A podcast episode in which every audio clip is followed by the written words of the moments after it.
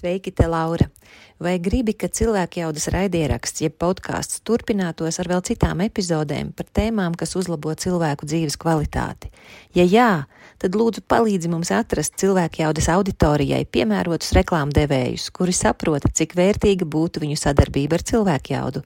Mums tā būtu iespēja sekt regulāras izmaksas, kas saistītas ar jaunu epizožu veidošanu un nodrošināšanu cilvēkiem, lai visiem bez maksas ir pieejama noderīga informācija, kas uzlabo dzīves kvalitāti un palīdz ieraudzīt jaunas iespējas un risinājumus. Ja gadījumā tu esi no reklāmas aģentūras vai tam līdzīga uzņēmuma, tad varbūt tu vari mums palīdzēt ar ieteikumiem un idejām, kā mēs varam sastapt īstos uzņēmumus, kuri būtu priecīgi par sadarbību ar cilvēku jaudu. Mēs meklējam risinājumu, kurā visi iesaistītie ir ieguvēji. Kad apkārtējie jūtas labāk, tad dzīvojam veselīgākā un atbildīgākā sabiedrībā, un jo kvalitatīvāka tad ir cilvēku dzīve. Ja tev ir praktiski risinājumi par to, ko tikko izstāstīju, mēs priecāsimies par tavu ziņu uz info at cilvēkjauda.lv ar informāciju, kā vari mums palīdzēt turpināt šo darbu par to, ko tikko lūdzu līdz vidusskolai es vispār nesportoju. Es bastoju stundas. Nu, man vispār mācību process pats par sevi ir gājis ļoti slikti. Es parasti uzskatīju, ka jau līdz vidusskolai, augstskolā arī sākuma posmā. Četrnieks ir viss pietiek. Tas ir viss, kas man ir izdarīts, lai es tiktu tālāk, lai es spērtu nākamo soli. Maksimālais minimums. 11. klasē sāku trenēties. Jūs saprotat, nu, aiziet uz balli. Nav labi, ka tev ir vai nu jābeig, vai nu jāskrien, kādam jāsūdzas, jāsauc palīdzēt. Jo tur ir jau džeki, kas ir trenējušies un tu nevari par sevi pastāvēt. Tas kaut kā man negāja kopā. Ir jāvar par sevi pastāvēt. Un tad es sāku trenēties. Daudz skolotāju vispār no Gulbenes cilvēki, kas ir šokēti par mani. Tagad pārsteigti pat man kursabiedri sporta akadēmijā, kas pirmajā kursā gāja ar mani. Viņi ir pārsteigti, ka esmu maģistrantūrā izmācījies, ka es tagad mācu citus trenerus. Jo tur meitenes, kas domāju, nu, tu tur neko nepabeigsi. Mana sporta skolotāja, pamatskolas, viņa saka, viņa ir vislielākais šoks par mani no visiem audzēkņiem. Cilvēkiem bieži vien liekas, ka kaut kas priekš viņiem ir pārāk grūti. Cilvēki bieži vien baidās no kustībām. Bija tādi uzskati, ka rotācijas kustības ir to, ko nevajag taisīt. Tur jau ir disku trūcis, bijušas protrūzijas, tu, tu nedrīkst rotēt, griezties, asas kustības taisīt. Bet tagad jau lielākā daļa treneru, fizioterapeitu arī saka, ka tieši tas ir tas, ko tev vajag darīt. Neatkarīgi no tā, kāda tev ir bijusi trauma, tev vajag pēc iespējas vairāk un daudzveidīgāk kustēties. Tev vajag atgriezt, ja tev ir trauma bijusi, atgriezt savu ķermeni pēc traumas kustībā. Viens ir jāsaprot, ka, ja tu pats sev nepalīdzēsi, neviens tev nepalīdzēs. Es esmu Laura Denlere. Projektā Cilvēku jauda es izjautāju zinātniekus, mediķus, sportistus, uzņēmējus un citus radošus, gudrus un drosmīgus cilvēkus. Šīs sarunas palīdz iepazīt sevi un vairot savu cilvēku jaudu. Šodien man saruna ir ar treneri Vanagu. Tā viņš sevi sauc uh, sociālajos mēdījos, tā tur viņu var atrast, treneris Vanaks. Un viņu man ieteica citi treneri. To es uzskatu par kvalitātes zīmi. Tāpēc arī izjautāšu treneri Vanagu par tām uh, lietām, ar tiem jautājumiem, kas man šķiet varētu noderēt, lai mūsu cilvēki, es, mani draugi, paziņas, cilvēki, jaudas auditorija, mums sanāktu trenēties regulārāk un veselīgāk, un lai tas ienes dzīvē vairāk prieka, nevis izsūc prieku no dzīves. Uh, treneri Vanak, ja mēs tev laikam saukšu kārdus labāk. Pastāsti, kas ir tava izglītība, lai mēs vispār saprotam, vai mums vērts tevī klausīties tālāk? Pamatā man ir maģistra grāds sporta zinātnē, kur esmu vispārējais fiziskās sagatavotības treneris, un bakalaura grāds man arī sporta zinātnē, esmu fitnes treneris, sporta skolotājs. Uh, Paralēli tam esmu izgājis pāris kursus. Viens no tiem ir Animal Flow, kas ir tāda starptautiska treniņu sistēma. Vēl viens ir FRC. Kas tas ir FRC? Functional Range Conditioning. Aha. Tā ir tāda pasaules līmeņa sistēma, ko tagad ļoti plaši izmanto gan NBA, augstas klases sportistiem, jo FCCs to ņem ļoti daudz izmanto. Viņa tā vairāk uz locīto mobil, mobilitātes uzlabošanu. Vēl esmu izmācījies FMS, Functional Movement Screening sistēmu, kas ir vairāk tā kā testēšanas sistēma, kur var notestēt cilvēku funkcionālās spējas. Aha. Un, protams, arī vēl dažādi tādi mazāk nozīmīgi. Un cik tu sen jau trenē cilvēkus? Nedaudz vairāk kā astoņi gadi.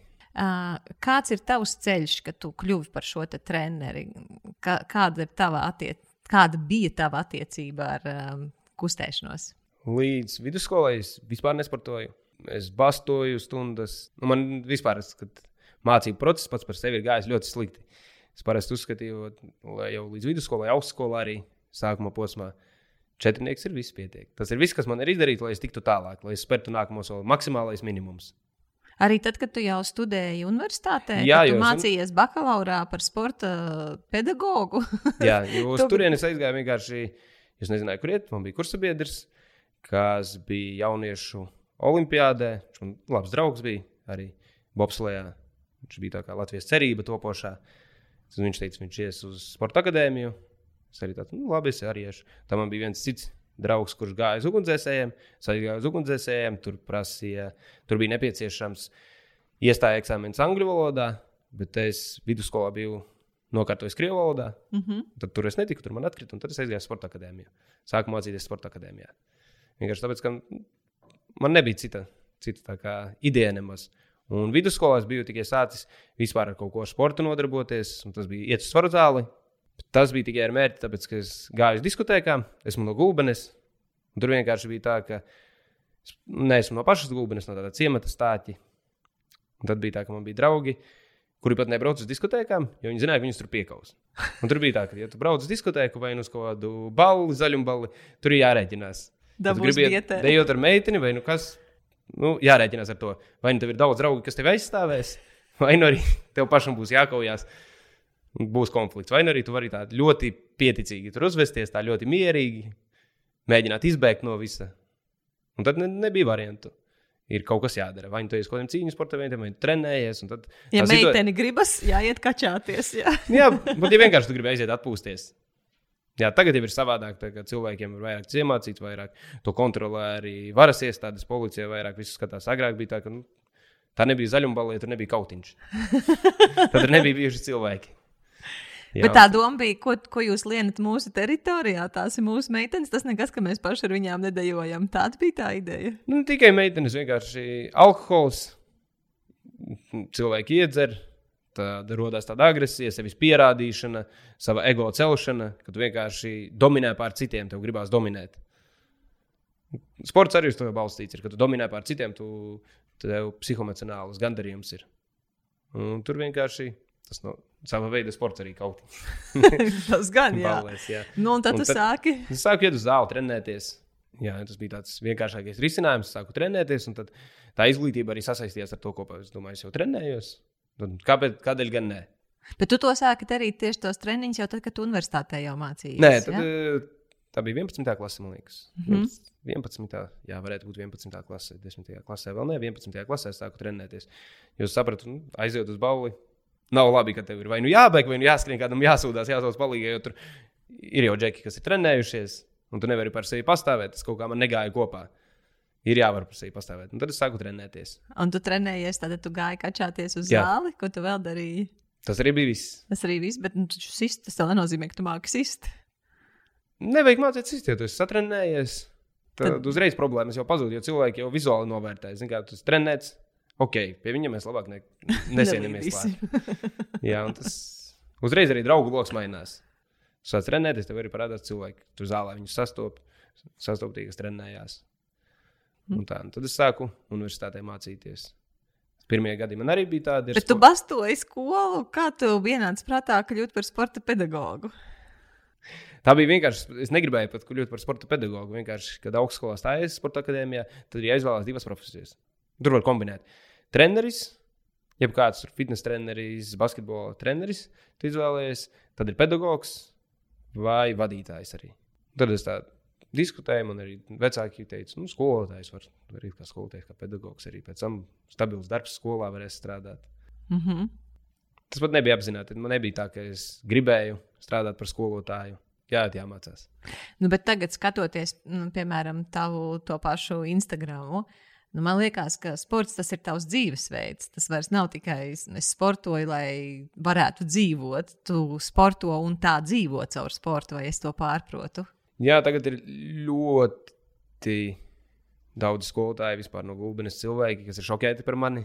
Tagad pārsteigti pat man kursa biedri sporta akadēmijā, tie, kas pirmajā kursā gāja ar mani. Viņi ir pārsteigti, ka esmu maģistrantūrā izmācījies, ka es tagad mācu citus trenerus.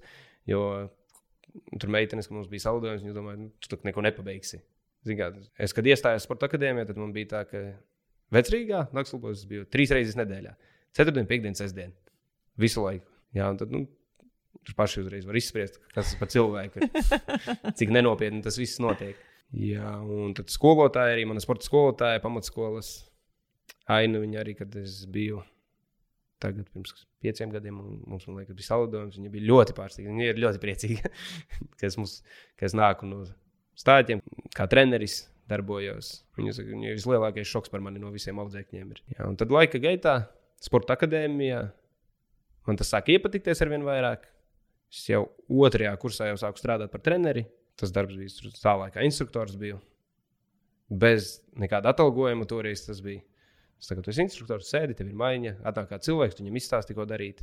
Jā, un tad es pamazām, pamazām, pamazām, un man tas sāk ar vien vairāk iepatikties. Man patika, iepatikās pats treniņu process. Un ceturtajā kursā jau es ar vien vairāk to sāku izzināt, jau es sāku apzināti mācīties, izprast to visu būtību, kas kā ir. Un pēc, tikai pēc augstskolas pabeigšanas es tiešām pats sāku nodoties izglītībā. Tā kā vairāk notika? izglītoties. Es gribētu saprast, kas tāds notika, ka tu vienkārši no tā ķeksīšas izdari tik, cik tas ir nepieciešams, ka tu pārgāji uz to, ka tas tev interesē. Sapratu jēgu no tā, jo es kā sāku strādāt zālē. Es sapratu, ko man nepieciešams zināt. Jo pie manis atnāk cilvēks, viņam mēģina palīdzēt, tas nestrādā. To, ko mums piemēram tur stāstīja, svaru zālē, sporta akadēmijā, es viņam strādāju, nu, šeit īsti tas nedara. Un es nezinu, ko ar viņu darīt. Bet man gribās kaut ko darīt, viņam palīdzēt kaut kādreiz, viņš pie manis ir nācis. Tad es sāku kaut kur skatīties, kaut kādus video skatīties, kaut ko lasīt pamazām, kaut ko pētīt, interesēties, runāt ar citiem treneriem. Un tad tas viss tā aizgāja. Sākumā visvairāk pašam uz sevi, uz saviem treniņiem. Sākumā trenējies, trenējies, trenējies, skaties, kāds sāka nedaudz vēlāk, kā tu trenēties, bet viņam rezultāts ir labāks. Un sāc domāt, kāpēc tā? Es trenējos divas reizes dienā, bet mans rezultāts ir krietni sliktāks nekā viņam. Ko viņš dara savādāk? Varbūt viņš ēd savādāk, varbūt viņš trenējas savādāk kāds viņam miegs ir. Un to visu analizēt, skatīties. Tas viss tā ļoti ievilka iekšā manī. Mm -hmm. Un tad, kad, kad sāc trenēt cilvēkus, kad redzi, ka tas viņiem palīdz, tad tas vēl vairāk ievilka iekšā. Tu tiešām vari sniegt kaut ko vairāk nevis tikai sev, bet arī citiem. Tad tas bija tieši no tā gandarījuma, ka tas, ko tu dari, tas noder citiem. Ja? Jā, Uh, tu smēķēji, tu lietoji vai lieto alkoholu. Tas vienkārši ļoti interesanti zināt. Ja? Tu ļoti tāds uh, pareizs cilvēks izklausies. Labā, no, tas ir kompliments domāts. Smēķēt, es nekad neesmu smēķējis. Nes, kā tas nākās? Mm, es pats nezinu, kā. Tas ir ļoti dīvaini. Jo man ir brālis, mēs esam divi brāļi, un mūsu audzināja mamma tikai. Mūsu mamma smēķē, un mēs abi nesmēķējam. Mums vienmēr tas ir nepaticis, kad viņa smēķē. Vienmēr. Viņi vēl joprojām smēķē, kad viņi atbrauc ciemos. Viņi iet smēķēm. Es vienmēr pārmetu par to, ka tas tā nevar. Tas ir muļķīgākais, ko cilvēks var darīt smēķēt. Jā, un man draugi arī gan vidusskolā, gan pamatskolā ļoti daudz draugu. Tik gan arī visi smēķēja. Man tas laiku likās, ka kaut kad biju mēģinājis. Man tas bija pretīgi, un es neredzēju tam nekādu jēgu. Ja alkoholam es redzēju jēgu, tu iedzeri, tev dūla galva, viss tu atraisies, viss foršāk notiek. Smēķēšanai es vispār nekādu jēgu neredzēju. Ar alkoholu, jā, agrāk es ļoti daudz pat varētu teikt, lietoju, tā kā es iepriekš minēju, arī kas trīs reizes nedēļā uz vecrīgu gāju, un es tur negāju skaidrā prātā. tur bija gan alkohols, gan dažādas apreibinošās vielas, viss kaut kas. Un to es pārtraucu darīt. Nav tā, tā ka tagad es vispār nelietoju alkoholu, kaut kāda vīna glāze, bet tagad man ir tā, ka man pat vairāk nesaista par varbūt vienu kokteili kaut kādu. Izdzert. Un kas bija tā, tas pagrieziena punkts, kad tu to varēji izdarīt? Kad es sāku redzēt, kas notiek ar maniem teikt, bērnības draugiem, cilvēkiem, ar kuriem es biju kopā tajā vidē, kad es aizgāju uz augstskolu, kad es redzēju, ka cilvēki iet bojā, mm -hmm. kad vecāki paliek bez bērniem, un ka tam visam iemesls ir alkohols un narkotikas, un ka tu redzi, kā cilvēki, kas sākotnēji Jo es pamatskolā, vidusskolā visu laiku varētu teikt, tā tusējos ar vecākiem, gados vecākiem, jauniešiem. Un tad pēc tam tur redzi, kad tu aizgājis projām, tad man nomainās tā vide, tu vairāk tur sāc sportot, un tu redzi, kas ir notiek ar tiem cilvēkiem, kuri neiziet ārā no tā, kuri paliek uz vietas tur, turpat. Kad ir degradācija, cik tas briesmīgi no malas izskatās, kādi cilvēki izskatās piedzērušies. Jā, un tā veselība. Man ļoti mainīja tas, kad es redzēju, ka divi cilvēki gāja bojā. ar kuriem es bērnībā skatījos. Viens no viņiem man likās tāds, nu, nu tā kā ne elks, bet, nu, zin, viņš vecāks ir par mani. Tad, tā kā etalons gandrīz. Tu tur maziņš puika skraida, un tad ir vecāks puisis, kurš braukā ar mašīnu. Viss viņam ir tāds baigi. Viss. Un tad tas man ir tā kardināli izmainīja. Tad man likās, nu nē, un man arī tas pats, kad katru reizi, kad tu lieto alkoholu pārāk daudz, piedzeries, nekas pozitīvs nenotiek. Vai nu tu konfliktā kādā iekļūsti, vai nu kas nu, tiešām nekā pozitīva nebija. Un es sapratu, nu, nav jēgas no tā. -hmm. Bet tu tagad pats arī strādā ar jauniešiem. Es tā saprotu, ka intelekta attīstības centrā tu vadi kādus treniņus. Jā, tur es strādāju ar jauniešiem un arī paralēli pie manis arī uz zāli, ārā nāk trenēties ik pa laikam kāds jaunietis. Jā, bet kāds un mērķis ir, un mērķis, tad, kad tu trenē cilvēkus intelekta attīstības centrā, ir kāds? Tur nāk dažādi, tur gan jaunieši, gan bērni nāk. Nāk tādi, kas vēlas vienkārši uzlabot savas fiziskās prasmes, nāk tādi, kuriem vajadzētu, kuri paralēli nodarbojas ar kognitīvo spēju uzlabošanu. Un tad paralēli ar treniņiem tas tiek veicināts daudzreiz efektīvāk. Kad mēs ar tevi sazvanījāmies, tad teici, ir svarīgi saprast atšķirības starp mobilitāti un lokanību. Mm -hmm. Vai tu vari izstāstīt? Tā arī cilvēkam, kurš vārdu mobilitāte šeit dzird, bet, uh, ja viņam prasītu paskaidrot, kas ir mobilitāte, tur būtu tāda stostīšanās. Es arī reizēm varētu stostīties par to. Kas tad ir mobilitāte? Jā, šie divi termini ļoti, ļoti jūg arī treneriem, ir īpaši mums Latvijā. Jo tādu kā mobilitāti es arī, kad mācījos, mums nemaz nemācīja. Es, kad gāju uz maģistrantūru, es arī sastapos ar to ar pasniedzējiem, ar neizpratni, kas ir mobilitāte. Viņi teica, Latvijas tāda termina nav. Un tā arī ir. Ka Latvijas tāda termina nav, nekur latviešu literatūrā tādu terminu nevar atrast. Latvijas, ja to tulkot, tā varētu būt varbūt aktīvā lokanība, kaut kas tam līdzīgs kaut kas uz to pusi. Tādēļ tas arī pie mums rada tādu neizpratni. Ja skatās ārzemēs, tad tur īsti neizpratnes nav. Cilvēkiem pasaka, treneriem, mobilitāte, eh, flexibility, mobility, un viņi uzreiz atšķir, kas ir kas. Un lokanība vairāk ir tā kā pasīva spēja, pasīva kustība amplitūda locītavā. Šajā sarunā ar Kārli mums dažas lietas nesanāca ierakstīt, tad, kad notika mūsu saruna klātienē, tāpēc mēs sazvanījāmies un es uzdevu vēl vairākus jautājumus par to, kas man interesēja un uz kuriem Kārlis arī atbildēja, un tos mēs šai sarunai pievienojam klāt. Kārli, es tavā Instagramā redzēju tādu ierakstu. Treniņu rezultāta galvenais nosacījums ir pastāvīgums un neatlaidība. Lai kā visi gribētu uztrenēties, ātri nav iespējams. Nozīmīgiem un ilgtermiņa rezultātiem nepieciešams laiks, un tās nebūs dienas, nedēļas un pat ne pāris mēneši. Pastāvīgi un strukturizēti treniņi ir tas, kas rada rezultātu. Nav mistisku vingrinājumu vai uzturu bagātinātāju, kuru ļaus tev ātri uztrenēties. Ļaušanās procesam sava ķermeņa apguve un neapstādināma vēlme pilnveidoties, nepadoties pie grūtībām, ir viss, kas ir vajadzīgs, lai izveidotu spēcīgu, efektīvi funkcionējošu ķermeni un sasniegtu vēlamos rezultātus. Tad man te lūgums iedot piemērus, lai mēs labāk saprotam, ko tu domā ar šo pastāvīgumu, neatlaidību un ātrumu. Cilvēki ļoti bieži kaut ko pamēģina un ātri padodas, līdz ko viņi saskarās ar kaut kādām grūtībām viņi uzreiz pamet un domā, ka tas nav priekš viņiem. Un tur es vēlējos arī vērst uzmanību uz to neatlaidību, ka, ja tu vēlēsies kaut kādu rezultātu, tev nevajag apstāties pie pirmajām grūtībām, jo rezultāti nāk tikai tad, kad tu pārvari grūtības. Un ir jāiemācās saskarties ar šīm grūtībām, ir jāiemācās, ka viņas ir jāpārvar, ka tikai tas ir ir tas rezultātu panākums. Un bieži vien to, ko es tur arī minēju, šī publikācijā par uzturu bagātinātājiem, par dažādām burbuļu formulām, cilvēkiem liekas, ka viss nāks ļoti viegli. Ka ir kaut kādas lietas, kuras viņi vai nu izdzers kaut kādas tabletes, vai nu izdzers kaut kādus pulverīšus, kas viņiem uzreiz iedos kaut kādu mistisko rezultātu, iedos viņiem muskuļu masu spēku, un ka viņiem pašiem nevajadzēs ieguldīties. Bet tā nav. Treniņš ir spilgts, tā atspoguļojums, jo treniņos iegūst tieši tik daudz, cik tu pats iedod. Ja tu aizies uz treniņu, tu iegūti 40%, tu iegūsi 40% atpakaļ. Ja tu gribi labu rezultātu, ātri tev ir jāieguldas uz visiem 100, un tikai tad tas rezultāts nāk atpakaļ. 100%. Un tas nav ātri. Muskuļu masu, ja tu vēlaties uztrenēt, to nav iespējams izdarīt pa mēnesi, pa diviem. Tas ir ilgtermiņa process, tas ir gadiem. Pēc gadiem tu tikai gadiem ejot, tev nāk tā muskuļu masa klāsts. Ar fiziskajām īpašībām tas pats ir.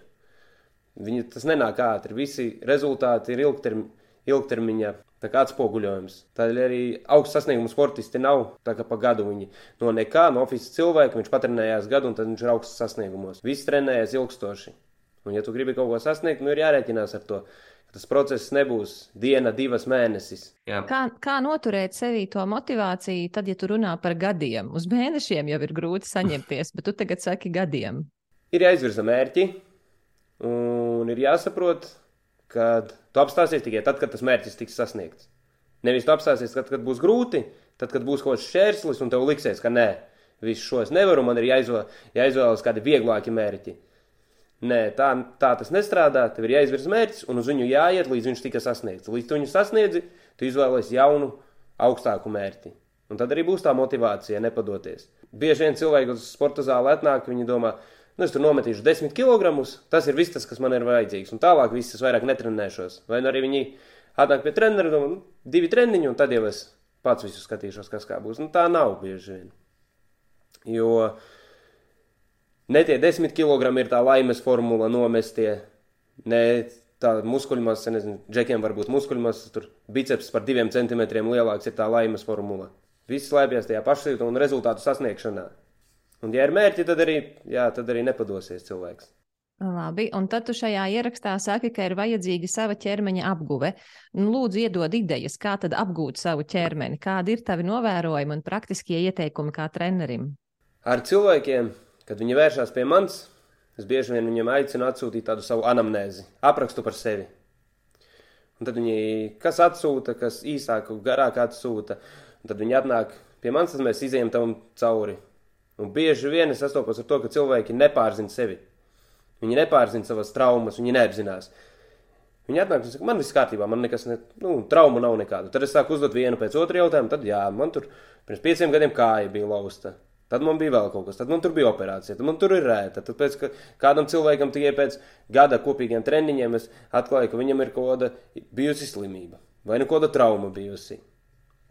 Un cilvēki nepārzina sevi. Tas ir viens, ka vajag izzināt savu ķermeni, saprast, kas tu esi, lai ir zināms, ar ko strādāt, lai tu varētu pilnveidoties. Tev ir jāzina, kā tavs ķermenis ir spējīgs funkcionēt, kas ir tevī vājie punkti. Viens no tiem uzreiz varu pieminēt, ir analīzes, arī, ko cilvēki reti nodot. Tu vari aiziet, nodot analīzi, tu redzēsi, kāda ir tava ķermeņa bioķīmija, kas tur iekšā notiek. Otrs ir, tagad es teikšu, tā anamnēze sava, ka tu rēķinies ar to, kas tev ir bijis pagātnē, un izējot no tā, tu izvirzi savus mērķus, lai sasniegtu tālāk kaut ko. Tālāk ir savu sajūtu analīze, kad tu spēj analizēt, izvērtēt, kā tu jūties un kāpēc tu tā jūties. Kad no rīta piemosties, kāpēc tu esi neizgulējies? Nevis vienkārši no rīta piemodos, esmu neizgulējies, noguris, labi, viss es eju tālāk, bet tev ir jāsaprot, kāpēc tu tāds esi. Kāpēc tev nav spēka? Kāpēc, ja tu aizgāji uz treniņu, šī treniņā tu jūties vājš, tu nevari izdarīt to, ko esi ieplānojis. Tas nav tā, ka vienkārši tā ir. Ir jāapzinās savs ķermenis, jāizanalizē, kādēļ, kas kā notiek. Un tikai tad tu vari progresēt, tu vari attīstīties, pilnveidoties. Un tad arī uzlabosies tā dzīves kvalitāte. Un, protams, arī ķermeņa kontrole. Kad tu kontrolē visus tos rādītājus, un tu iemācies arī kontrolēt savu ķermeni. Viens ir gan emocijas, Otrs ir gan vispār ķermeņa savus muskuļus, ka tu apzinājies, kur tev kas atrodas. Kad apzinājies, ka tev ir 20 pirksti, ka tu vari pakustināt viņus, ka tu zini, kur kas atrodas. Ka tu zini, ka tev ir lāpstiņas, ka tev ir kakls, kā, kā muskuļi funkcionē, ka tu iemācies viņus sasprindzināt. Ka tu apzinājies, māki darboties ar savu ķermeni. Tad, kad tu saki, māki kontrolēt savas emocijas, es vēl neesmu redzējusi cilvēku, kurš nu, tā ļoti lieliski kontrolētu savas emocijas. Protams, ir cilvēki, kas to ir vairāk attīstījuši, bet uh, emocijas tā ir tomēr ļoti jaudīga enerģija. Ko tu ar to saproti, kontrolēt savas emocijas? Kad tu apzinājies, ka tu analizē, kā, ka tu esi bijis kādreiz, tev ir kaut kādas stresa situācijas, ka tu apzinājies, ka viņas ir. Un tu zini, kā ar to strādāt. Ka nav tā, ka tu ļauj apkārtējai videi vadīt sevi. Ka tu iedarbojies ar apkārtējai vidi, nevis apkārtējā vide ar tevi.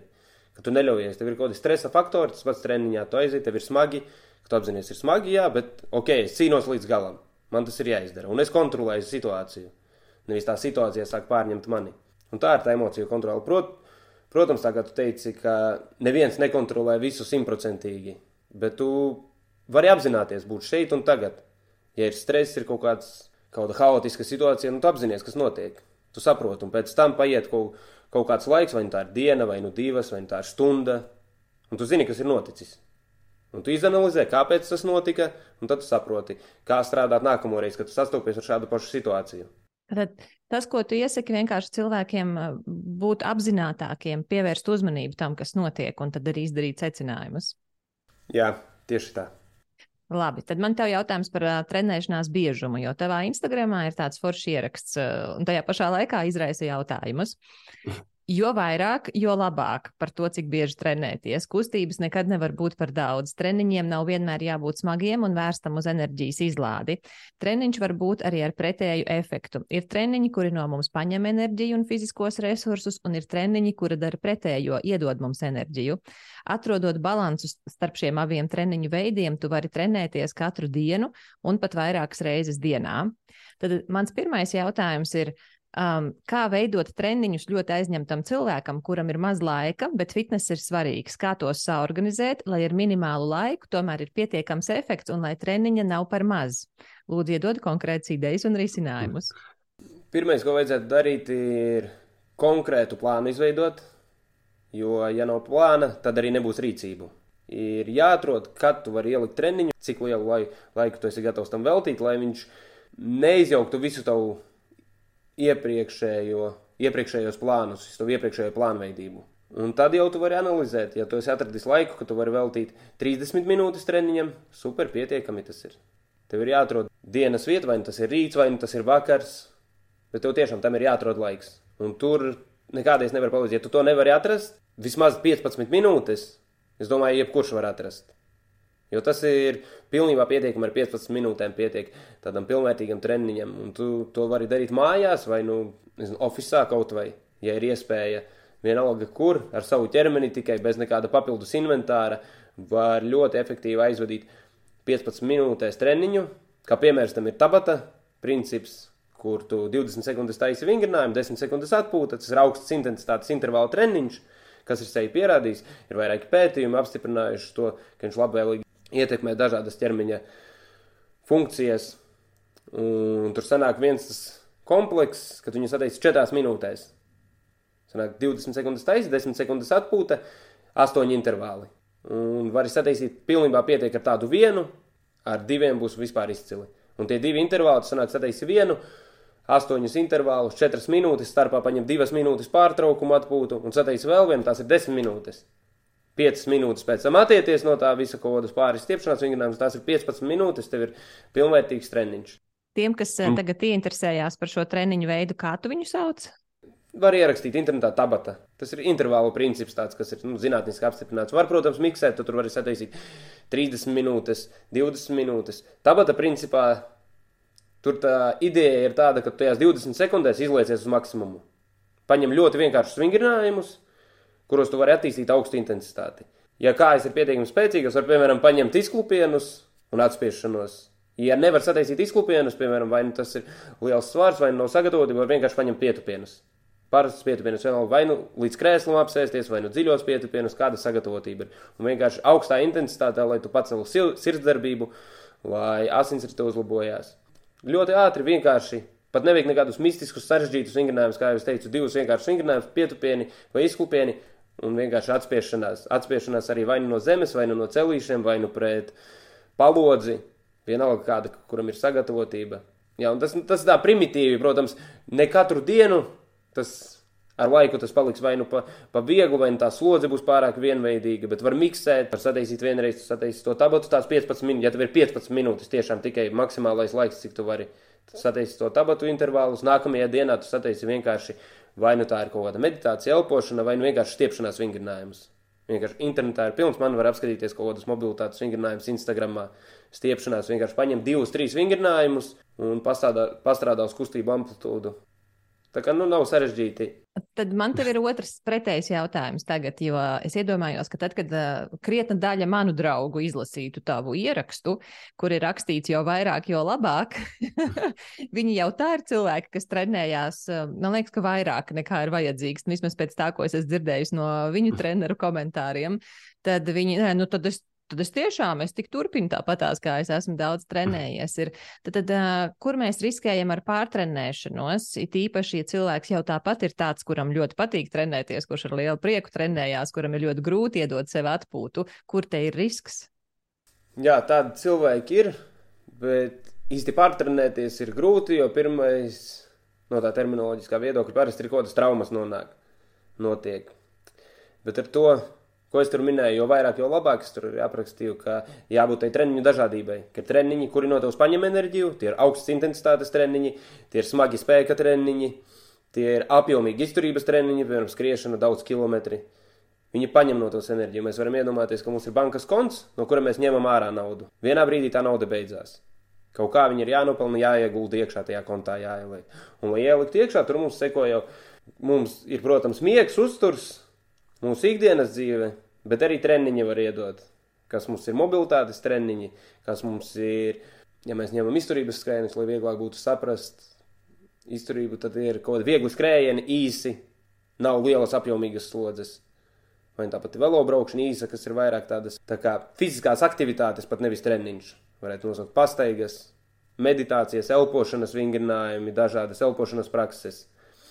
Jā, tie paši mobilitātes vingrinājumi, kā es teicu, vieglas izkustēšanās, varbūt arī tie, ja ir augstāka sagatavotība, tad tie būs kaut kādi kustību prasmu apguves, kustības dažādas, vienkārši varbūt kaut kādi vingrinājumi ar savu svaru. Jo es pats arī trenējos diezgan daudz, tagad esmu sācis arī uz jiu-jitsu iet, un tad man arī savus spēka treniņus neatmetu, man sanāk, nu cenšos katru dienu Citas reizes pat divreiz dienā trenēties. Kas kādam no malas varētu likties, nu jā, viņš pārtrenēsies, tā ilgi nevar izvilkt. Tas ir pat traku. Bet, nu, nē, ja viss ir sabalansēts, tas jau nenozīmē, ka es katru treniņu eju un tur, nezinu, spiežu no savas maksimumu, kamēr man acis sprāgs papīri ārā un viss asinsspiediens gaisā ir. Bet Nē, kā, ir ar tām, kā ir ar tām recovery dienām? Jo tomēr uh, ir gana daudz uh, profesionāļu, uh, kam ir laba reputācija, arī kā zinātniekiem, kuri runā par to, ka tās atpūtas dienas tāpat ir vajadzīgas, atjaunošanās dienas. Tevī Tas klausoties, atjaunas... tevī klausoties, liekas, ka ir tikai jātrenējas, jātrenējas, jātrenējas. Tie treniņi, kuros tu liec iekšā sevī, tās ir tās atjaunošanās dienas. Jo tie paši mobilitātes treniņi, Tur tu neej augstās intensitātēs, tur tu nepārslogo locītavas, tu kustini viņas, viņas apasiņojās, ķermenis darbojās neintensīvi. Tu vienkārši viņu izkustini un uzlabo atjaunošanās procesus. Tu izēj ārā pastaigā, tas nav treniņš. Citiem ir taisni pretēji, kuri domā, es tur dienā noju 10 km, ar to pietiek. Ar to nepietiek. Ir jābūt gan augstai intensitātei, gan jāiedzen sevi tajā robežā, ka tu vairs nevari līdz galam, ka tu cīnies ar sevi, gan arī jābūt tām kustībām, kuras kā ir ļoti vieglas, un viņas palīdz tev atjaunoties. Jo par to ar vien vairāk runā, ka aktīvā atpūta ir daudz, daudzreiz labāka atjaunošanās nekā pasīvā. Nekā sēdēt mājās, gulēt divānā, neko ne, nedarīt, skatīties filmas. Tu daudzreiz sliktāk cilvēku ķermenis atjaunojas nekā, ja tas ir aktīvi. Labi, man te ir nākamais jautājums par skriešanu. Tu Instagramā rakstīji, tev nav jābūt skrējējam un ikdienā jāskrien, bet tev ir jāvar skriet bez sāpēm un diskomforta. Skriešana ir cilvēka dabiskais kustību stereotips, un traumatisks tas kļūst tikai tad, kad ķermenis nespēja efektīvi, pilnvērtīgi to veikt. Skriešana nav nekāda specifiska prasme, kuru vajadzētu īpaši mācīties. Ja ķermenis spēj brīvi kustēties bez kompensatorajiem mehānismiem, tad tas spēs arī efektīvi skriet. Skriešana var, var kalpot kā lielisks ķermeņa analīzes risks, kurš atspoguļo balsta kustību aparāta darbības efektivitāti. Efektīva skriešana nav spēja noskriet noteiktu kilometru daudzumu noteiktā laikā. Efektīva skriešana ir spēja efektīvi izmantot ķermeni tam paredzētajā veidā. Skriet daudz un ātri var arī neefektīvi, bet ilgtermiņā tas viennozīmīgi būs ar paaugstinātu traumu risku. Tad lūdzu paskaidro, kas tad ir cilvēku lielākās kļūdas skrienot. Skrienot gan tāpat kā trenējoties, arī cilvēki bieži vien dara pārāk daudz un pārāk bieži. Tāpat kā mēs iepriekš runājām par tiem treniņiem, kā es teicu, jo biežāk, jo labāk, bet tas nenozīmē, ka vajag tos tie, kas paņem no mums ārā enerģiju. Ja viņi ir pārāk daudz, tā ir jādod arī iekšā. Un ar skriešanu ir tas pats. Cilvēki iedalās skrējējos un neskrējējos. Ir cilvēki, kuri skrien, un tad visbiežāk viņi tikai skrien. Un tad ir cilvēki, kuri vispār neskrien, un tad viņi dara kaut ko citu. Reti ir tādi, kas skrien, plus vēl dara kaut ko citu, iet uz trenižera zāli, tur trenējās, spēku attīsta, un plus vēl nezinu, varbūt iet uz jogu un vēl kaut ko tādu dara, tur uz mobilitāti strādā un skrien. Jo skrējējiem tur tā problēma, ka viņi ļoti maz vispārējo fizisko trenē un pārāk daudz skrien. Un es arī esmu strādājis ar skrejējiem, kuri skrien sacensībās arī.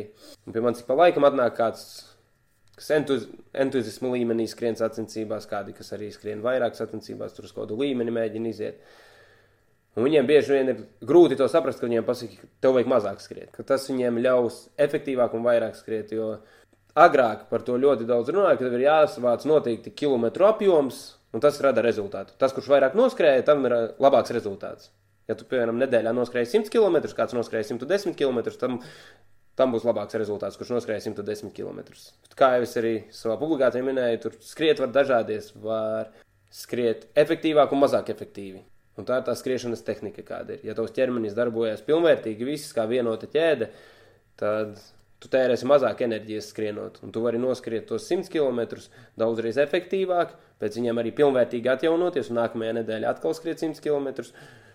Un tas, kas noskrēja pirmajā nedēļā 110, ja viņš skrēja nepietiekami efektīvi, viņam pēc nedēļām vienkārši tas viss akumulēsies un viņam ķermenis lūzīs kopā.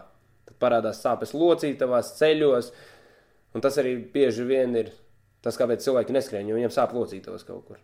Bet viņiem viņas sāp, tāpēc, ka tas ķermenis vienkārši nav gatavs tik lielai slodzei. Mhm. Kas vēl ir jāņem vērā par skriešanu, lai cilvēks no skriešanas vairāk iegūtu? Tas, ka tam jāpieiet ļoti pakāpeniski, un Skriešana, tā kā jau minēju, nevar būt vienīgais rīks, ar kuru tu attīsti savu ķermeni. Tev ir jāskatās, jāanalizē savs ķermenis, un, ja tu gribi skriet kaut kādā augstākā līmenī, sacensībās, vai nu arī nu, vienkārši lielas distances, vai nu ātri, tev ir jābūt vispārējai fiziskai sagatavotībai arī. Un tam ir jābūt kā pamatam.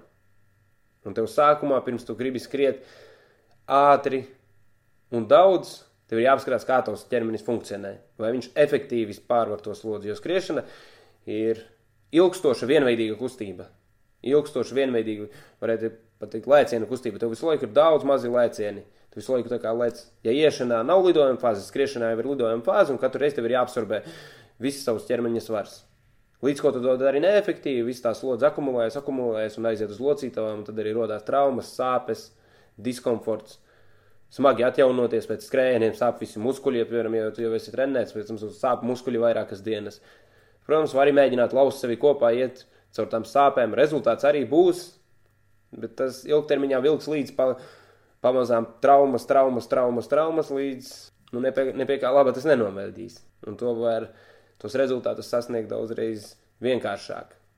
Tad es saku, jāpievērš uzmanība tieši tai tehnikai un tam, kā tavs ķermenis funkcionē vispārīgi.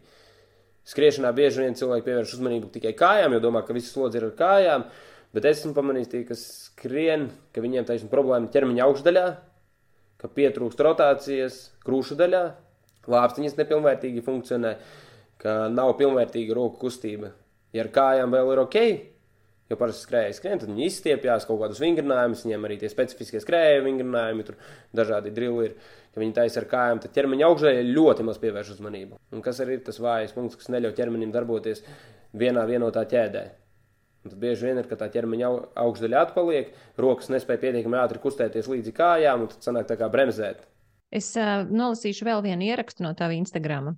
Ķermenis ir kā orķestris. Ja kāds no dalībniekiem spēlē slikti, mūzika neskanēs labi. Ja kāda no locītavām nefunkcionē pilnvērtīgi, kustības nebūs efektīvas.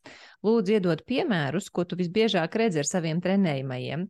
Kas ir bijušas īstās problēmas, kuras cilvēks neapzinājās, un kādā veidā tās ir jālabo, lai tiktu pie ieguvuma.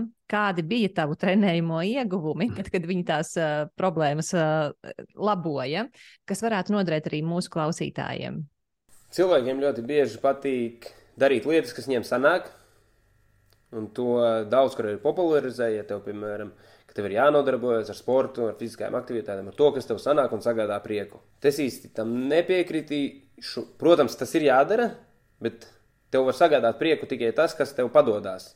Lai tev kaut kas padotos, tev tas ir jāapgūst. Tādēļ ir jādara lietas, kuras pat reizē liekas, ka viņas nav priekš tevis un viņas tev nepatīk.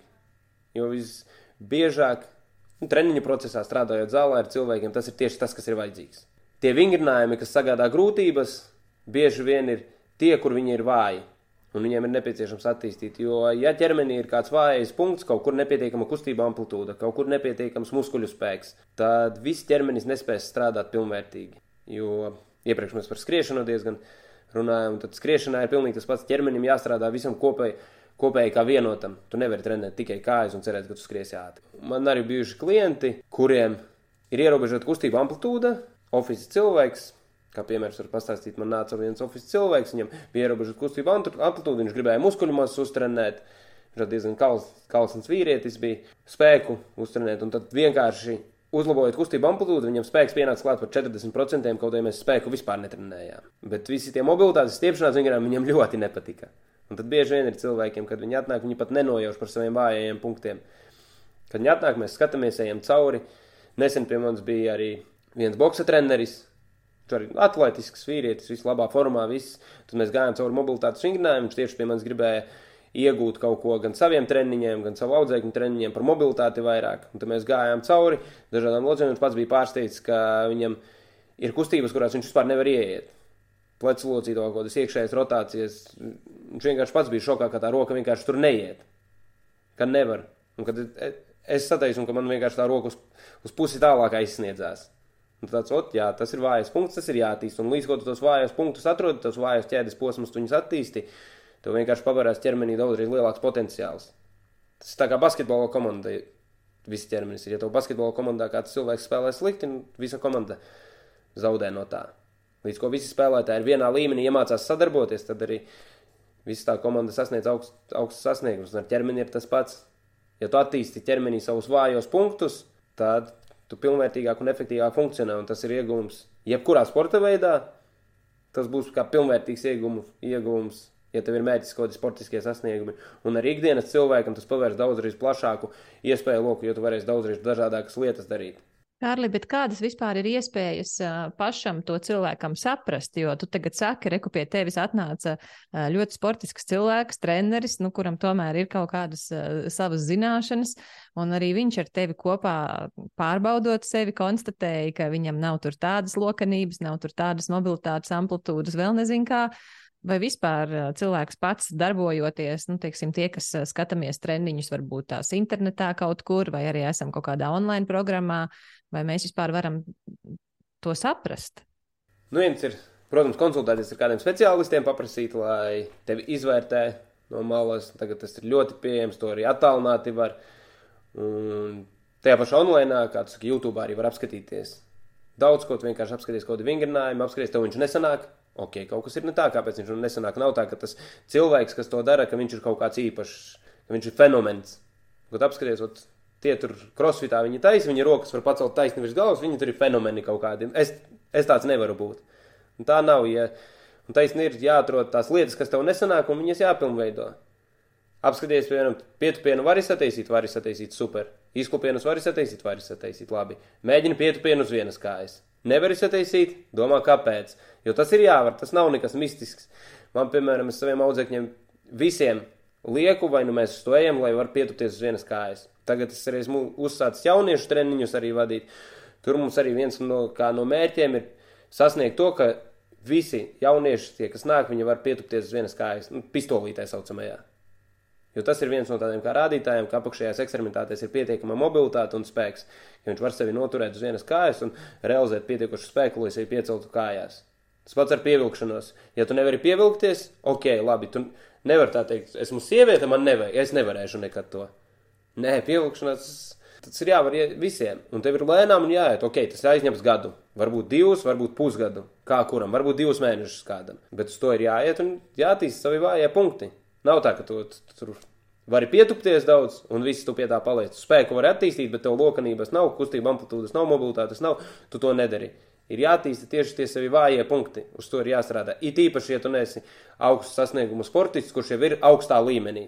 Ja tu jau esi augsts sasniegumu sportists, kurš jau ir ļoti augstā līmenī, tad ir nedaudz grūtāk, jo tev ir kaut kādā brīdī, nevis augsts sasniegums, bet profesionāls sportists, kuram tā ir visa dzīve, tā ir viņa peļņa, Viss viņa biznesa, viss viņam ir tie sasniegumi.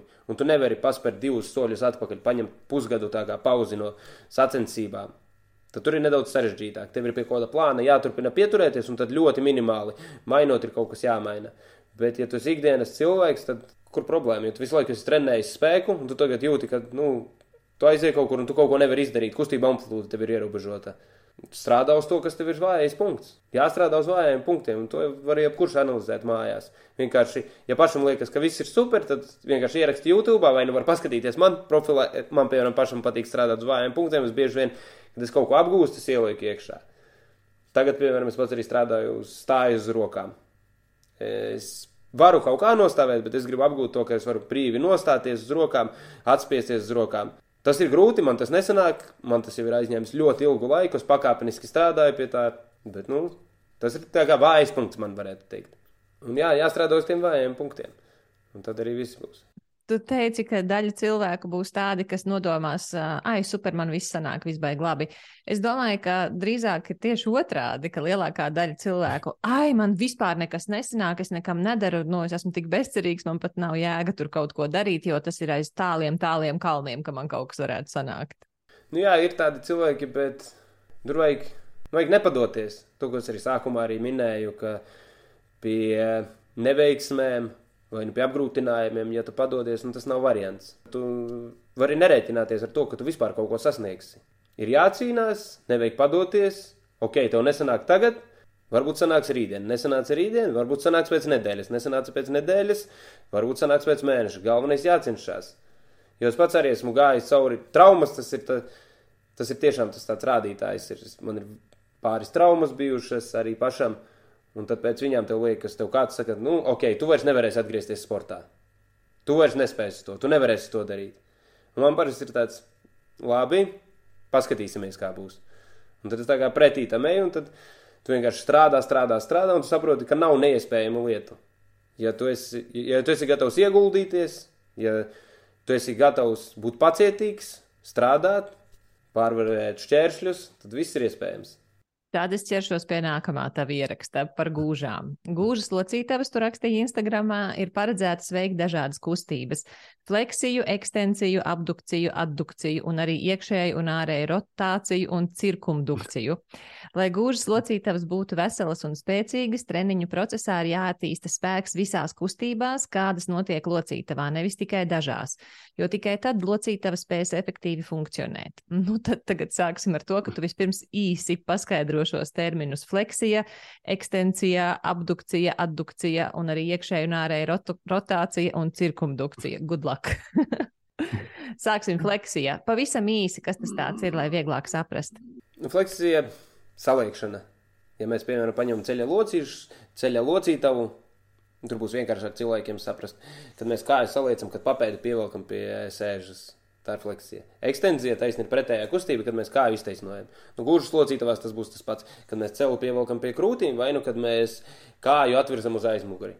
Kad mēs pievelkam celi pie krūtīm, tā ir fleksija, kad mēs kāju atvirzam atpakaļ ekstenzija. Nu, tas ir jebkurā locītavā. Nu, ne jebkurā, Jā, fleksija ekstenzija gandrīz jebkurā locītavā būs. Un tad locītavā, katrā locītavā ir savas funkcijas, noteiktas kustības, kā viņas veids. Un tad gūžās ir fleksija ekstenzija, iekšējā rotācija, ārējā rotācija. Iekšējā rotācija ir, kad mums augšstilba kauls rotē uz iekšu, ārējā rotācija, kad rotē uz āru. Addukcija ir, kad mēs kāju pievelkam sev klāt centra līnijai, kad mēs aizveram kājas ciet. Tā ir addukcija. Abdukcija ir pretējs, kad mēs izvēršam kājas uz āru. Kad mēs kāju uz sānu atvirzam projām no sevis, atveram vaļā gūžas. Un cirkumdukcija ir, kad mums ir augšstūba kausa šeit, ir, piemēram, gūžas locīta, un kad viņa griežas ap savu asi.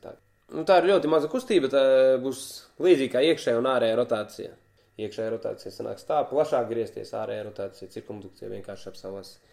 Ja nezinu, kādas funkcijas locītavās ir, tur vienkārši var uzrakstīt Google, ja kuru locītavu uzreiz atrod pirmais, kas ir piestiprinājuma vietas un uzreiz arī funkcijas augstskolās parasti fizioterapeitiem, treneriem, arī anatomijas nodarbībās tas ir tā kā pamatu pamats.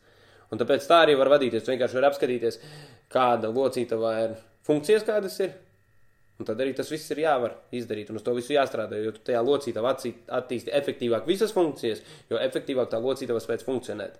Jo kāda no funkcijām ir ierobežota locītavā, tad tā locītava nespēs pilnvērtīgi funkcionēt. Tagad, Kārli, man ir tāds jautājums.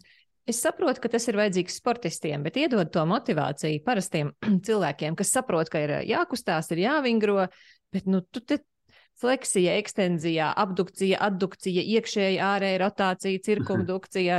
Kā, kāda ir tā motivācija parastam cilvēkam, kurš grib būt vesels, kurš grib dzīvot kvalitatīvu dzīvi, bet tomēr, ai, nu es taču neesmu nekāds sportists? Visas tās kustības ikdienā, visas mums ir nepieciešamas. Lielākā daudzi var teikt, ka viņi negrib skriet, viņiem nepatīk, bet viņiem nepatīk skriet tikai tāpēc, ka viņiem sagādā tas kaut kādas sāpes un diskomfortu. Līdz ko tu vari skriet, tas ir patīkami, tas ir forši. Tu vari īsākā laika posmā apskatīt daudzreiz lielāku distanci. Ejot, tas, ir, tas aizņem vairāk laika, tu vari ātri izskriet, apskatīt. Tas, tas viens. Tu vari, ja tev ir bērni vai nu paziņas, tu vari iet spēlēties. Spēlēt spēles, futbolu, basketbolu, neatkarīgi no vecuma. Tu vari iet baudīt dzīvi, tu vari iet braukt kaut kur kalnos, kāpt, slēpot. Tev pavērās plašāks lokus ar lietām, kuras tev var sagādāt gandarījumu un baudu. Tur iet kāpt kalnos, ja tu to vari. Nebūs tā, ka tu iekārsies un viss, ja tu vari pievilkties, tev uzreiz klinšu kāpšanā kaut kādā alpīnismā būs priekšrocība, tev būs vieglāk, ja tev muskuļi pilnvērtīgi funkcionēs. Ja tev būs labs, ja tu būsi attīstījis pēdas muskultūru, gūžas muskultūru, ceļu locītos muskultūru, un tev būs stabilitāte uz kalna aizbraucot, slēpot pirmo reizi, tev neliksies, ka tas ir nenormālākais murgs, un tu nekritīsi visu laiku zemē. Ja tu savu ķermeni pilnvērtīgi attīsti, ka viņš spēj efektīvi funkcionēt, tad aizjot uz jaunām kaut kādām specifiskām lietām, tu viņas ātrāk varēsi apgūt. Es pats arī ik pa laikam visu kaut kur eju, nu, pārsvarā man sanāk uz cīņu, cīņu sporta veidiem pamēģināt, jo man kaut kā patīk un piesaista tas. Bet es arī es jūtu, ka esmu strādājis ar savu ķermeni, viss ļoti viegli aiziet. Tā kā ir cilvēki, kas trenējas gadiem, es aizēju uz kādu sporta veidu, pāris mēnešus, kādas tehniskās nianses uzzinu, jo mans ķermenis spēja pilnvērtīgi funkcionēt, un viņš viegli uzreiz apgūst to visu. Bet, ja tu neesi strādājis ar savu ķermeni, ja tu ir kaut kādi kustību ierobežojumi, tad tas viss, visas tās prasmes apgūt ir krietni grūtāk. Un, tad, un viņas arī jā, tiek apgūtas krietni neefektīvāk, un tas sagādā tādu tā kā laušanos cauri ērkšķiem iet. Un, ja tu pastrādos, jā, savu ķermeni, tad tas ir krietni vienkāršāk. Un tad ikdienas cilvēkam vienkārši pavērās, nu, kā jau es minēju, plašāks lokus, ko baudīt ar lietām.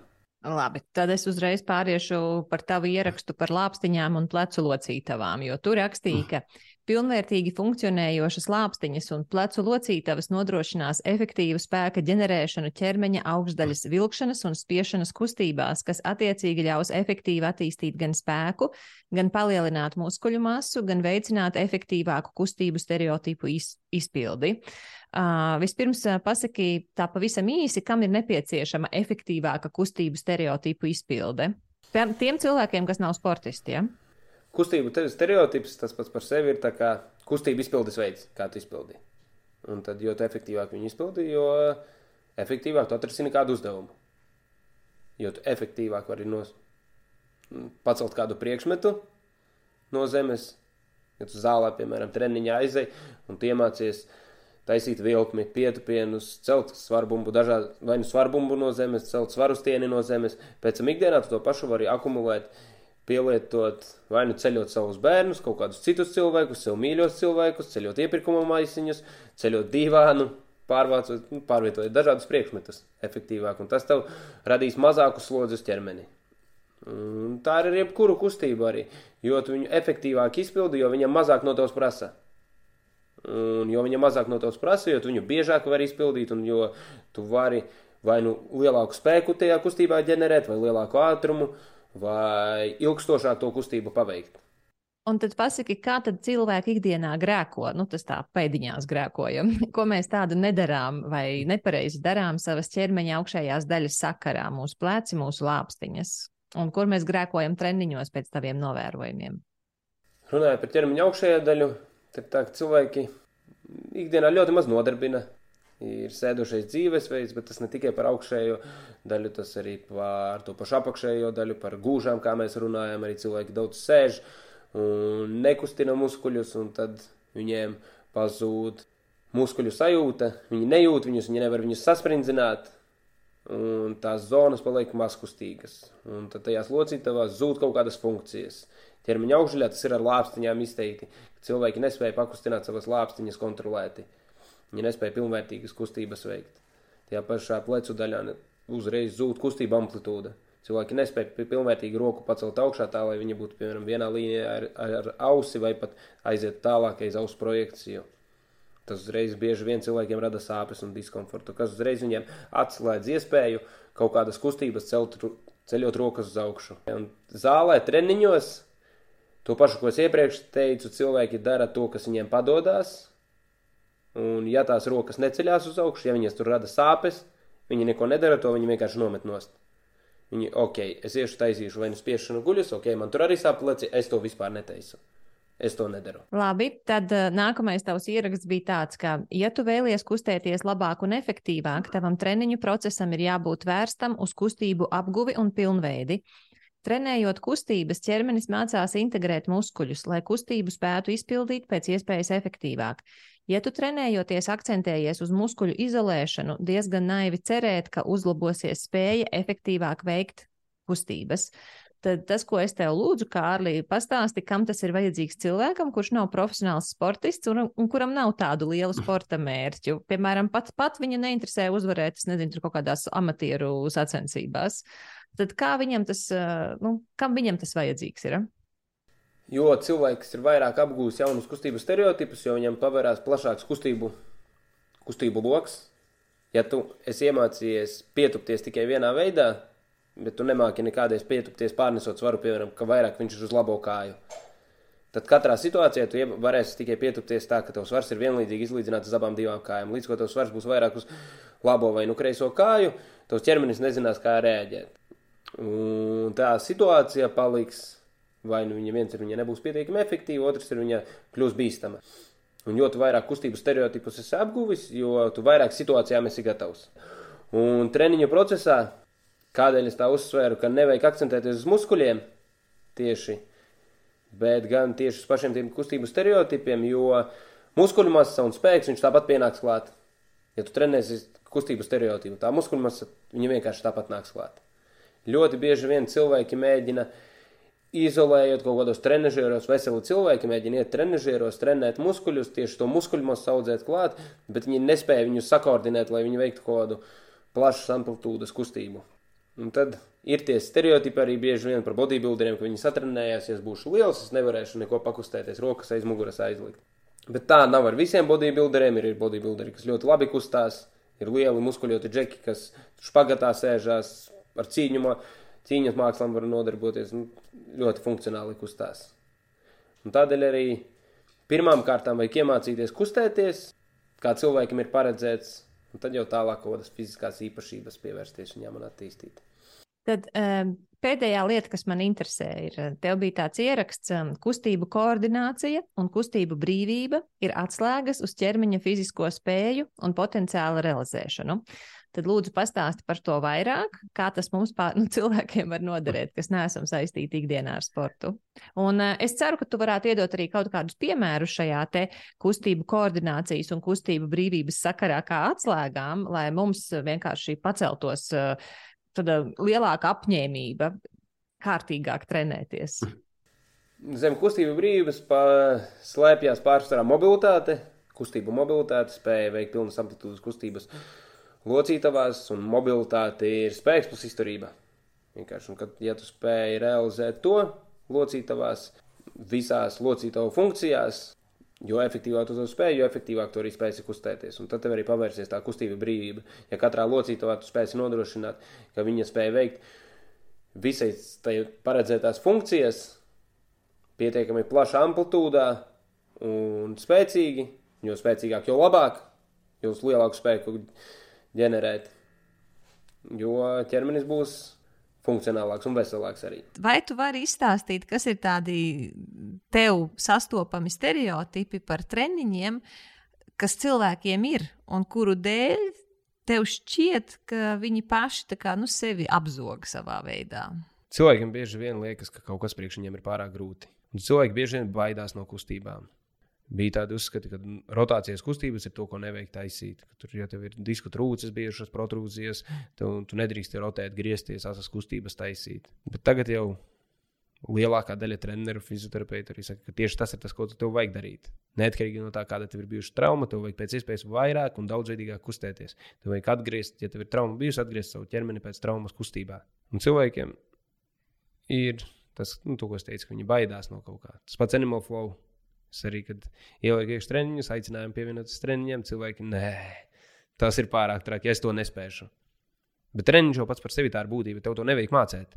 Tu nāc un tu iemācies. Tas nav tā kā braukt uz sacensībām. Tad viens treniņš nav sacensības. Mm -hmm. Treniņā tu kaut ko mācies. Tu apskaties, kaut kas ir izskatās nenormāli iespaidīgi, un tev liekas, wow, labi, es eju uz turieni trenēties, es gribu to. Tas nav tā, ka tu atnāc un tev tas ir jāmāk. Kad tu aizies uz boxu, tev jau jāmāk boxēties. Jo tev uzreiz tur liks pret spēcīgāko džeku boxēties pretī. Vai nu tāda nāca Zenema flow, un es tur likšu jau visu mega kombinācijas no 20 kustībām, kuras tu pirmo reizi vispār esi darījis sarežģītas. Nē, tu atnāc pakāpeniski un viss, un tu spēsi darīt to, ko, kas tev likās iespaidīgs. Pēc kāda laika tu jau to pats spēsi izdarīt. Tā tad tā atslēga ir tieši nomainīt to attieksmi, ka nevis tāpēc, ka es domāju, ah, nu tajā, tajā konkrētajā treniņā es esmu tik tīzla, nu es neko nevaru, tāpēc tas nav man. Bet tieši otrādi es tur, es tur nejūtos ērti, man nekas nesanāk. Tieši tāpēc es priecājos un eju trenēties, jo tad jau manas smadzenes, mans ķermenis no tā ļoti iegūst. Jā, jā. parasti tā, ja nesanāk, tad trūkst kaut kādu norādījumu, kaut kādu iztrūkstošu punktu. Ir neizpratne par to, jo ar, ar fiziskajiem treniņiem, ar visu man liekas, tā ir. Ka, ja tev visu detalizēti pasniedz, Tad tu visu saproti un viss aiziet diezgan ātri. Tas pats ir ar Animal Flow arī. Cilvēkiem liekas, wow, tas baigi traki. Bet viņi atnāk, es viņiem izskaidroju tieši kas kā. Apzināti, viņiem jau treniņa beigās, viņi jau taisa to pašu, ko es tur lieku Instagram. Pēc viena treniņa, treniņa beigās, jau viņš gandrīz to pašu taisa. Kad viņš nofilmē, viņam liekas, wow, es arī šo sataisīju. Tagad jau pēc viena treniņa. Ir citiem grūtāk, kas mēģina atgrūst sevi. Viņi tad, nē, es to nevarēšu, man tas būs bail. Tad viņi treniņa procesam lieku taisīt kustību. Viņš teica, nē, es šo nevaru izdarīt. Bet nu, kaut gan viņš, viņi to var. Un tas ir tāds atgrūdošais punkts. Cilvēki bieži vien ļoti baidās. Sots arī svaru zāli no svariem. Cilvēki baidās celt. Sievietes, meitenes atnāk uz svaru zāli. Viņiem iedod svarbumu 24 kg. Viņus nē, šito satraumēšos paceļot. Tas ir pa daudz. Tik daudz nevaru celt. Kad tas tāds skaidrot, tad jau gandrīz ar tādu kā piespiešanu viņi aiziet, pamēģina. Tas nu, jā, nebija nemaz tik traki. Ka viss ir ok, izskaidro, kā to darīt. Viss, un tad viss notiek. Es gribētu no tevis tādus tekstus, kas palīdzētu cilvēkiem ieraudzīt to nu, nepieciešamību rīkoties. Jo nu, ļoti jau gribas sevi pasargāt. Man, piemēram, arī ir tāds nu, liels kaula lūzums, viss augšdēls, kauls salauzts ir. Es atceros, jā, sākumā es arī reaģēju uz tur, laika maiņām un, un kaut kādas nu, ierobežojumus jūtu kustu, kustinot to roku. Bet kā man treneri, es neteikšu, ka nežēlīgi, bet teiksim tā, viņi vienkārši, nu, tev kaut kas sāp. Nu, jā, mēs tā kā saprātīgā veidā to ņemsim vērā, bet treniņi nebeigsies. Mēs turpinām trenēties, jo ir jātrenējās. Tāpēc tas ir gluži vienkārši tev veselīgi. Ne jau tev pāri darot, bet eh, nu, tas nebūs tā, ka tev tur sāp un tu tur mūžam nekustinās neko. Tad kas ir no tavas puses, kā tu, ko tu skaidro cilvēkiem, kuriem, nu, piemēram, manā, manā dzīvē, manam vīram ir bijusi šī diska trūce, uh, uh, vai nu, īstenībā diezgan daudziem cilvēkiem ir tā diska trūce, tad bieži vien cilvēkiem ir kaut kādas ceļu problēmas, uh, ir kas, uh, kam ir kaut kāda ierobežojuma dēļ, nu, nezinu, tur, mm, piemēram, potīte pagriezta vai kā, vai arī kas ir, teiksim, salauzuši roku locītavas vai kaut kā nu, pabojājuši viņas.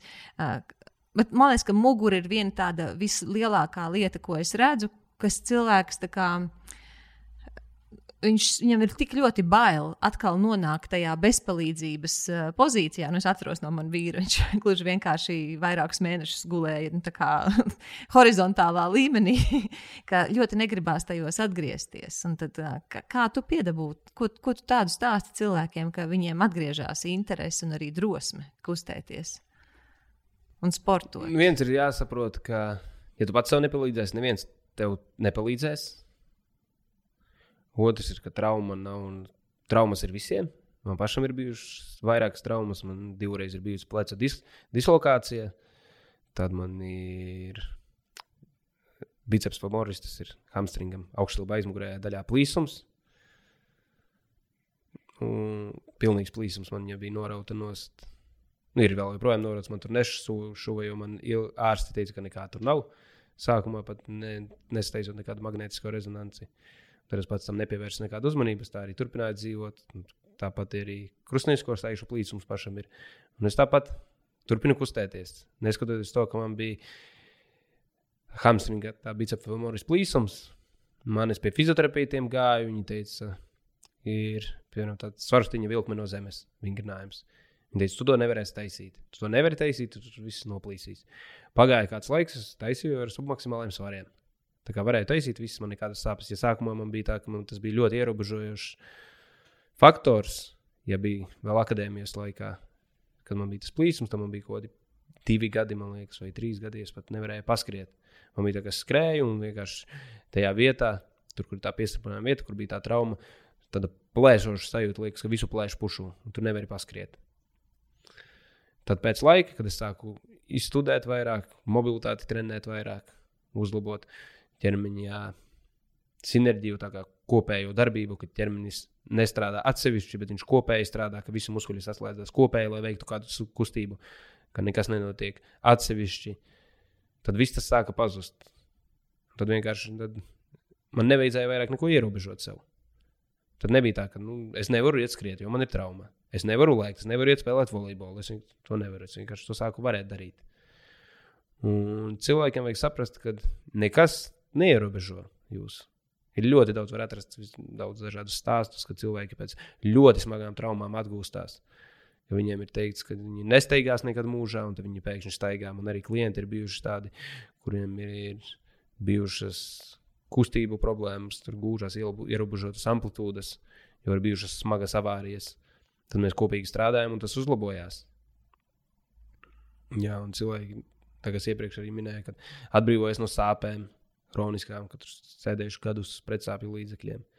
Vienkārši pašam tas ir jāsāk darīt. Neviens neko jūsu vietā neizdarīs. Ārsti ar medikamentiem nepalīdzēs. Tas nav risinājums vispār. Ārsti bieži vien, kad tu aizies pie ārstiem, viņi saka, ka nevajag kustēties. Ja tev ir, piemēram, trauma, viss, tu tagad tev ir ceļa trauma, skriešana tev ir jāizmirst. Ar slēpēm tu neslēposi. Man tas pats bija, man bija sēžu plīsums. Es aizgāju pie traumatologa. Viņš man teica, jātaisa operācija, rekonstrukcija. Krustiņsko sēžu rekonstrukcija. Es sāku stāstīt, ka man ir kursabiedrs, kuram arī ir bijusi trauma. Un viņš nekādu operāciju netaisīja. Viņš tagad lēca var iedankot. Viņš taisa pistolītes, tas ir pietupiens uz vienas kājas, ar pluso 50 kg rokās uz to traumēto kāju. Un ārsts saka, "Mm, tā nevar būt. Jā, tad saku- jau viņam tas nebija. Jā, jā es viņam saku, nu, viņš iepriekš taisīja magnētisko rezonanci, pēc tam viņš, viņš arī aizgāja pie traumatologa. Viņam arī teica, ka jātaisa operācija. Viņš izlēma padzīvot kādu laiku, paskatīties, ja tas viņam netraucēs dzīvot tālāk. Un tas nav viens vien gadījums. Man ir tagad, pēc manas traumas, ar vairākiem cilvēkiem es sastapies tā runājis, kuri ir atgriežušies sportā, sporto. Pat augsta līmeņa sportisti ir, kuri bez krustiņsko sēžu operācijas, basketbolu spēlē. Tas liekas, tāds ļoti traumas ceļos notiek. Ļoti daudz cīņu sporta veidos arī bez operācijas. Un man arī tagad nu, būs pusgads pagājis. Es jau paskrietu varu. Pietupienu jau amplitūda ir atgriezusies, viss un reāli netraucē. Un neveikt nekādu operāciju, neko. Tas, protams, ir individuāli. Ir gadījumi, kad vajag tās operācijas. Nevis tā kā pret ārstiem, pret medikamentiem, pret jā. visu. Visam ir savā vieta būt. Jā. Bet nevajag pārsteigties Jā. un nevajag baidīties no kaut kā. Un ir jāmēģina sākumā, ja tu vari pats tikt galā, tad ir pašam jātiek galā. Nevajag meklēt kaut kādus palīgu risinājumus. Tu teici, ka viena svarīga lieta ir arī apavi, tad, kad mēs ar tevi sazvanījāmies. eh, To, kā darbojas mūsu pēda. Teici, ka vajadzētu par šo tēmu parunāt.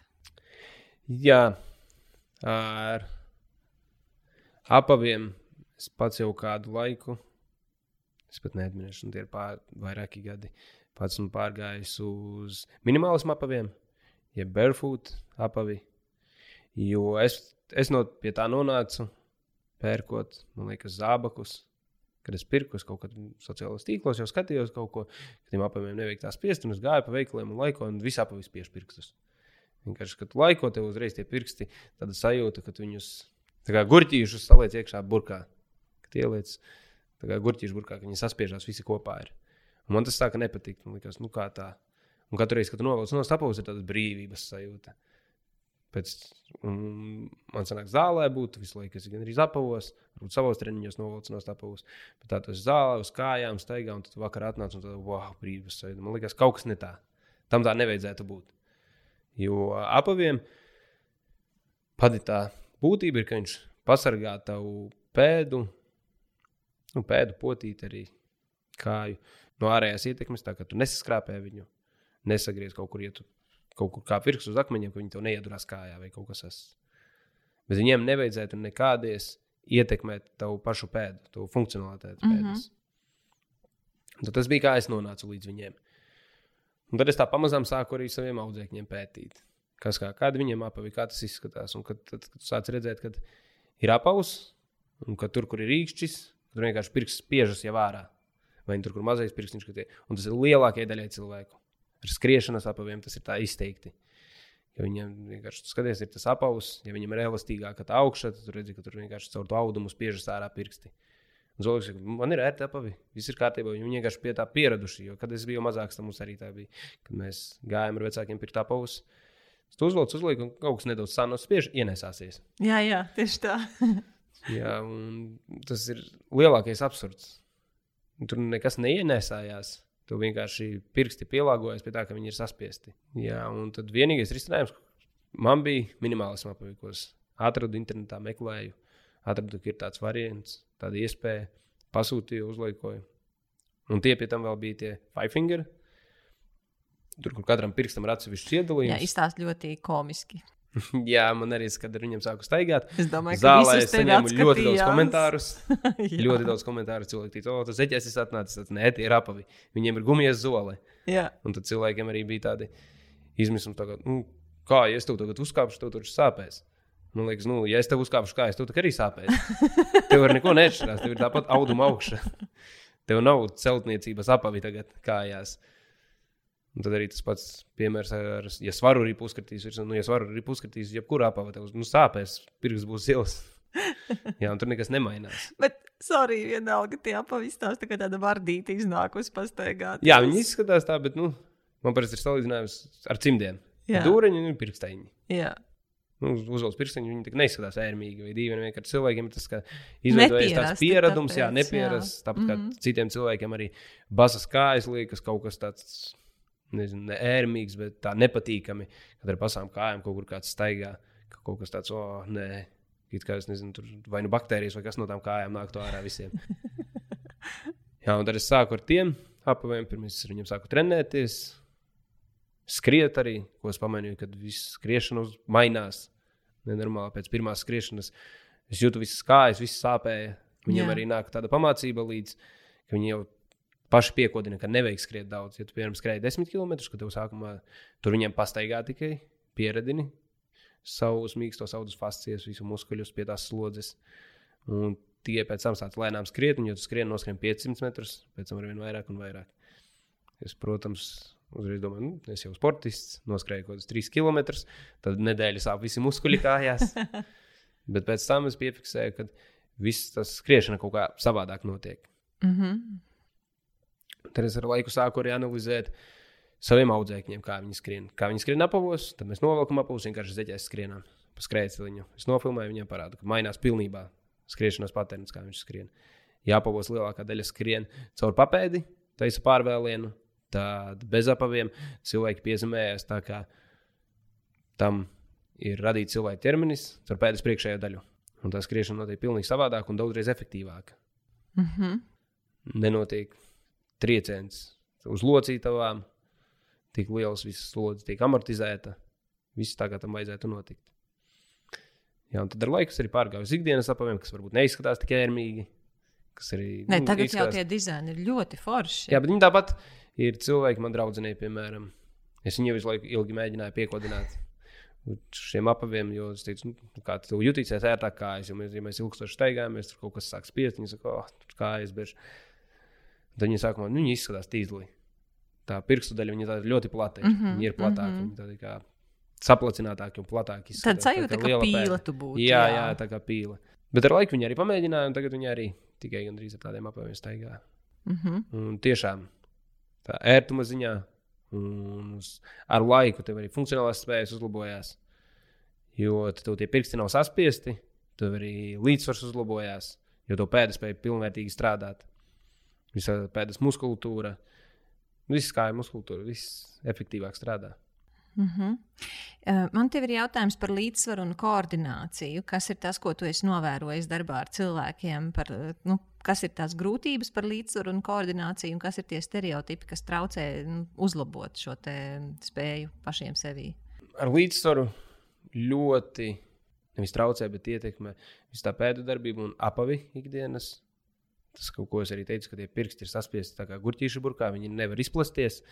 Un kaut tu novelc tos apavus nost, līdz ko ir pirkstu deformācija, ir tāds hulus valgus, īkšķa kauliņa izliekums. Bieži vien sievietēm, bet arī vīriešiem tāds ir.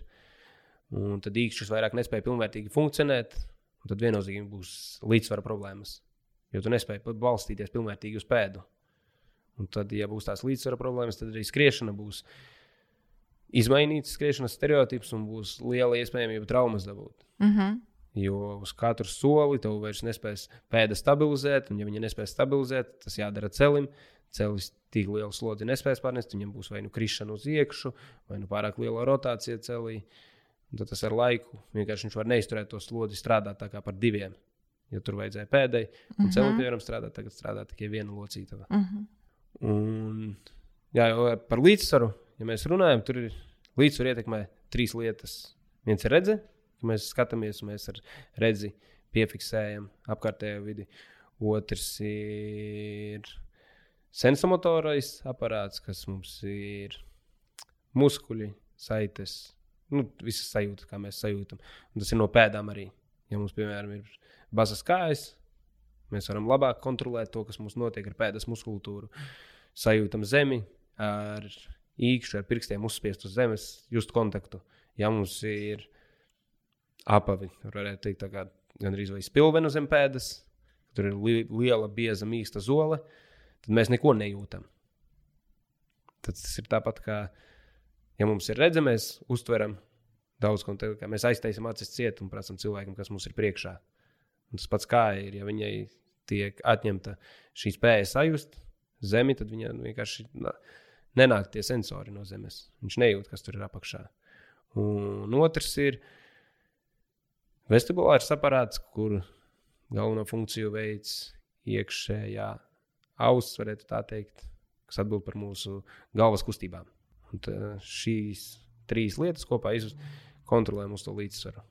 Kā mēs redzam, kā mūsu galva kustās, arī cik mums efektīvi no spēja iekšā auss aizsūtīt signālus par mūsu galvas stāvokli uz smadzenēm un tas, kā mēs jūtam apkārtējo vidi. Mm -hmm. Tas ir par līdzsvaru.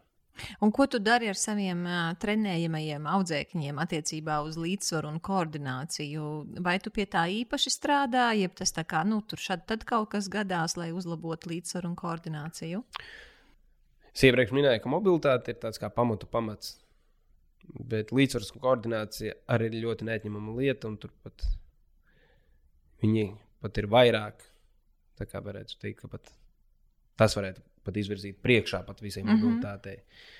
Jo koordinācija ir tā pati sava ķermeņa sajūšana, kā tu sajūti savu ķermeni, kā tu pārvaldi savus muskuļus, kā tu spēj sakoordinēt kustības. Uz to mēs strādājam katru treniņu, vienmēr ar visiem.